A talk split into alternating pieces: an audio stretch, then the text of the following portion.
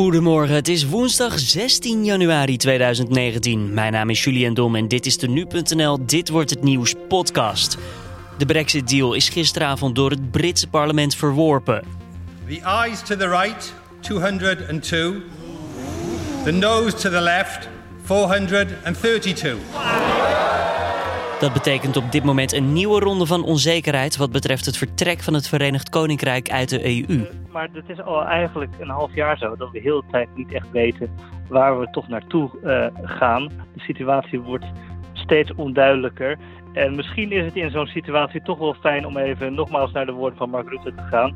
Uh, hij is toch optimistisch. hij zei, ondanks deze tegenslag betekent dit nog niet dat er een nieuw no-deal situatie komt.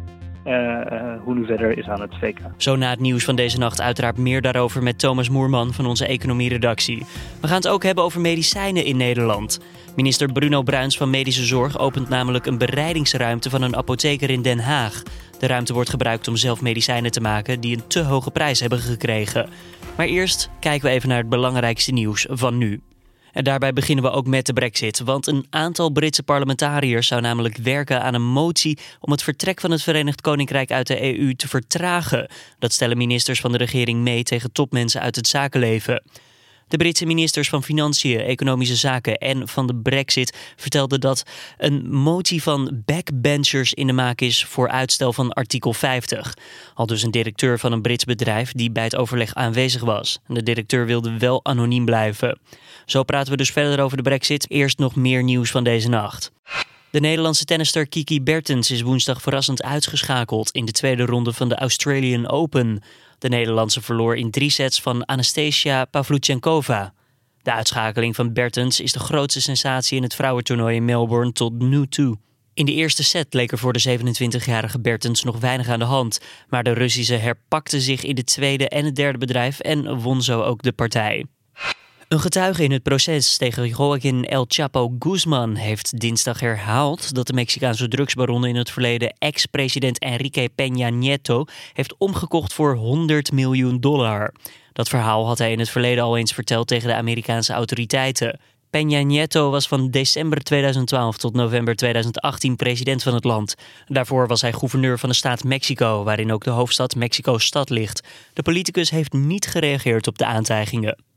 Yvonne Jaspers heeft zich dinsdag verdedigd in het programma Jinek voor een commerciële klus die zij naast haar werkzaamheden bij de publieke omroep vertolkt. Want wij horen jou uh, zeer uh, uh, oprecht, gepassioneerd praten over jouw betrokkenheid bij het boerenleven. Je hebt ook een commerciële samenwerking met Four Farmers. Daar is veel gedoe over dat jij die samenwerking hebt.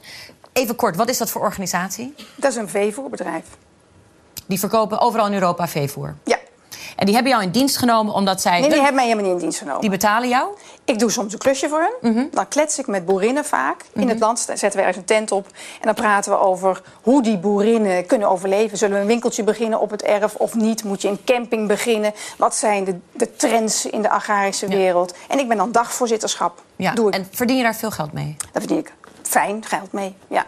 Je wil niet zeggen hoeveel? Nee maar fijn geld. Ja. Het commissariaat van de media heeft een onderzoek lopen naar de structurele snabbel van Jaspers. De KRO-NCRV liet maandag weten dat het contract met de presentatrice op het punt staat verlengd te worden. Dan naar de interviews van deze dag, oftewel dit wordt het nieuws. Het is de Britse premier Theresa May niet gelukt om een meerderheid van het Britse lagerhuis achter haar Brexit-deal te krijgen. De deal is dinsdagavond massaal afgewezen door het Britse parlement. 202 stemmen waren er voor de deal tegenover 432 die er tegen waren. First, we need to confirm whether this government still enjoys the confidence of the House. I believe that it does, but given the scale and importance of tonight's vote, It's right that others have the chance to test that question if they wish to do so. De positie van zowel de Britse uittreding uit de Europese Unie als die van de premier May zelf wankelt op dit moment. Reden om eventjes te bellen met Thomas Moerman van onze economieredactie hierover. Ja, Thomas, de woorden die we um, dinsdagavond op nu.nl zagen in het liveblog wat we hadden. Monsterverlies voor May. Nou waren die verwachtingen natuurlijk al niet heel erg positief voor Maycamp. Maar hadden we het zo erg als dit verwacht? Ja, we wisten eh, natuurlijk niet echt wat we konden verwachten. Uh, het leek inderdaad niet op alsof ze dit zou winnen. Maar we keken inderdaad naar met, met hoeveel ze dit zou verliezen. Uh, de schattingen gingen uit van een verschil van 70 tot 200 dan werd dat 230, een verschil van 230. Dus 202 hebben voorgestemd en 432 tegen de Brexit-deal. En dat, is, geeft wel echt een, een treurige indicatie van hoe May ervoor staat, inderdaad. Volgens mij gingen er op Twitter ook uh, zinnetjes rond als in grootste verlies in de moderne geschiedenis van het Verenigd Koninkrijk. Ja, nou, die, uh, cijfers heb ik niet bij de hand gezegd, maar misschien is dat zo. Ja.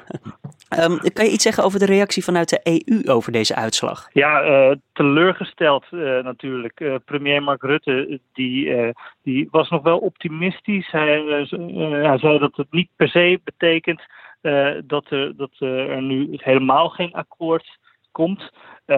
Maar hij betreurt het wel, maar respecteert ook de uitslag, zei hij. Dan is er ook nog Jean-Claude Juncker, dat is de baas van de Europese Commissie. Die betreurt het ook. en hij roept de Britten op om hun intenties zo snel mogelijk duidelijk te maken, want de tijd is echt bijna voorbij. En dan heb je ook nog Donald Tusk, dat is de, de, de voorzitter van de Europese Raad. Dat zijn zeg maar alle 27 uh, uh, uh,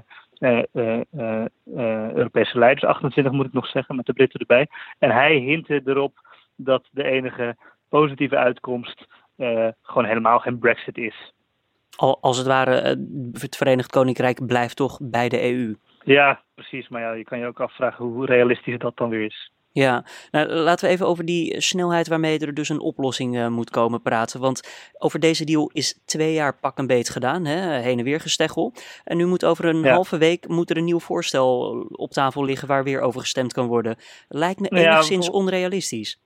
Volgende week maandag moet uh, Theresa May inderdaad uh, met een alternatief plan komen. Dat is eerder besloten. Um, uh, maar in de tussentijd heeft Jeremy Corbyn, de, de, leider van de grootste oppositiepartij, ook aangekondigd dat hij met een motie van wantrouwen komt. I therefore, Mr. Speaker, inform you I have now tabled a motion of no confidence in this government.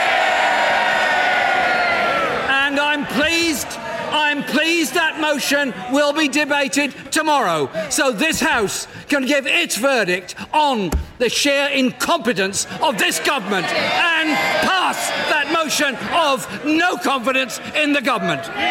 Ja, en dat kan dan uiteindelijk ook weer betekenen dat Theresa May moet uh, aftreden. Maar het is ook maar de vraag of uh, Jeremy Corbyn uh, dat wint. Het is helemaal niet gezegd dat ehm, de conservatieven uh, dat is dus de partij van Theresa May, dat zij uh, met hem meegaan. Want uh, zij, zij zitten natuurlijk liever wel in de driving seat, zo te zeggen. Ja, als ik even met je meega die straat in van de oppositiepartij, heeft Labour dan wel het antwoord op een goede onderhandeling met de EU? Nee, de, de, de Labour weet het eigenlijk ook niet. Die zijn niet tevreden met de huidige deal. Maar ja, goed, de Europese Unie die heeft al gezegd dat zij echt niet opnieuw gaan onderhandelen. Uh, hij zegt dat hij wel, dat wel gaat doen. Ja, uh, Theresa May heeft uh, de afgelopen maand al geprobeerd om een beetje opnieuw te onderhandelen. En dat lukte ook niet. Dus het is maar de vraag of, of hier iets mogelijk is. Ja, en stel Theresa May wordt afgezet, er komen nieuwe verkiezingen.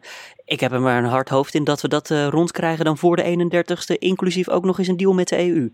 Ja, timeframe, om nog maar even een Engels woord te gebruiken, is inmiddels behoorlijk krap. Zoals Juncker al zei, het is echt op nu. Uh, ja, er zijn een aantal mogelijkheden. Er, kunnen nieuwe verkiezingen komen. Uh, ja, het, is, het land is zo verdeeld dat we ook niet echt uh, een duidelijke, dat we daar niet een goede voorspelling kunnen doen. Uh, het is mogelijk dat er een nieuw referendum komt. En het is mogelijk dat de, de Britten als het ware uit de EU crashen. Dat wil eigenlijk niemand. Um, maar ja, ze komen toch wel steeds een stapje dichterbij. Erbij. En dat betekent dat er uh, helemaal geen, uh, dus helemaal geen, deal komt. Dat handel echt heel erg moeilijk wordt met de Europese Unie. dat het iedereen heel veel geld gaat kosten. En eigenlijk niemand wil dit. Maar ja, het zou, zou toch maar een mogelijkheid zijn. Want de Britten die gaan, zoals het er nu uitziet, toch op 29 maart, 11 uur Britse tijd, de EU uit. En gisteren gebruikte je de woorden uncharted territory. Enig idee wat daarvan de overtreffende trap eigenlijk is? Ja, nog uncharted territory, om het maar in het uh, Nederlands-Engels te zeggen. Daar bevinden we ons uh, nu, ja, hè, als ik het goed heb. Ja, uh, maar het is al eigenlijk een half jaar zo dat we heel de tijd niet echt weten waar we toch naartoe gaan. De situatie wordt steeds onduidelijker. En misschien is het in zo'n situatie toch wel fijn om even nogmaals naar de woorden van Mark Rutte te gaan. Hij is toch optimistisch. hij zei, ondanks deze tegenslag betekent dit nog niet dat er een nieuw no-deal situatie komt. hoe nu verder is aan het VK. Is er ook nog iets positiefs te noemen aan de stemming voor de Britten of voor de EU? Of ja, voor wie dan ook op dit moment? Dat is een hele moeilijke vraag, Julian. Ik weet het eigenlijk niet. Uh, uh, nou ja, je zou ook kunnen zeggen dat op een, op een bepaald uh, zeg maar, het terugdraaien van Brexit ook een stapje dichterbij is. Ehm, het is echt niet gezegd dat dat gebeuren, gaat gebeuren. Dat is een hele, uh, wordt een hele lastige puzzel. Ehm, ik denk dat er weinig positiefs aan, deze, aan, aan, gisteren, aan de, stemming van gisteren is. Voor ongeveer elke partij. Thomas Moerman van onze economieredactie, dankjewel. Meer lezen over dit onderwerp, over de brexit? Check dan vooral de app of bekijk de website via www.nu.nl. Minister Bruno Bruins van Medische Zorg opent deze woensdag een bereidingsruimte van apotheker Paul Lebbing. Dat gebeurt in Den Haag. De werkplek zal worden gebruikt om zelf medicijnen te maken. Dit vanwege enorme prijsstijgingen van farmaceutische reuzen. Het middel zelf maken is mogelijk als je de juiste grondstof hebt. En uiteindelijk ligt de prijs in sommige gevallen dan dus alsnog een stuk lager. Hoe zit dat precies? Dat bespreken we met de heer Lebbing die aan de telefoon hangt. Ja, meneer Lebbing, het is allemaal begonnen vanwege een enorme prijsstijging eh, van het middel Orkambi. Dat is een geneesmiddel voor taaislijmziekte.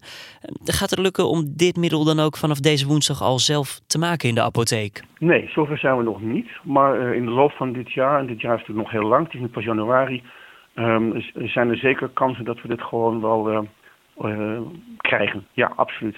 Is het moeilijk om zelf een middel te maken? Want het, het gaat dan om een magistrale bereiding, zoals dat heet. Uh, dat is, ja, is dat anders dan hoe de farmaceutische reuzen dit doen? Maar in principe natuurlijk niet.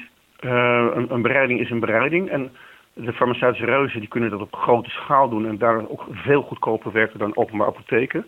Maar openbaar apotheken kunnen dat ook gewoon namaken. We zijn er goed voor geoutilleerd. We hebben daar de ruimte voor, de mensen die dat kunnen, de procedures. Dus uh, het maakt in principe niet uit voor de kwaliteit of het gemaakt wordt in de industrie of in een openbaar apotheek. Nou, zegt u net al, de grote bedrijven die zouden dit goedkoper kunnen, maar die middelen die zijn vaak duurder. Uh, dat lezen we in de media tegenwoordig. Hoe kan het dan dat jullie goedkoper uit zijn? Ja, dat is dus niet dat wij dan goedkoper werken. We sterker nog, uh, onze kosten zijn hoger, uh, maar onze verkoopprijs is weer lager. En hoe komt dat? Ja, eigenlijk moet je dat niet aan ons vragen, maar moet je dat in de industrie vragen. De, industrie die vraagt kennelijk prijzen die exorbitant hoog zijn en die ze ook vaak niet kunnen verdedigen. Want ik heb nog niet gehoord dat ze hebben uitgelegd waarom hun prijzen zo hoog moeten zijn.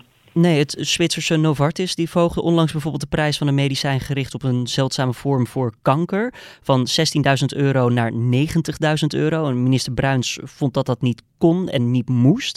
En na gesprek met het bedrijf was de minister alsnog niet heel duidelijk waarom die prijs ja, zo moest stijgen.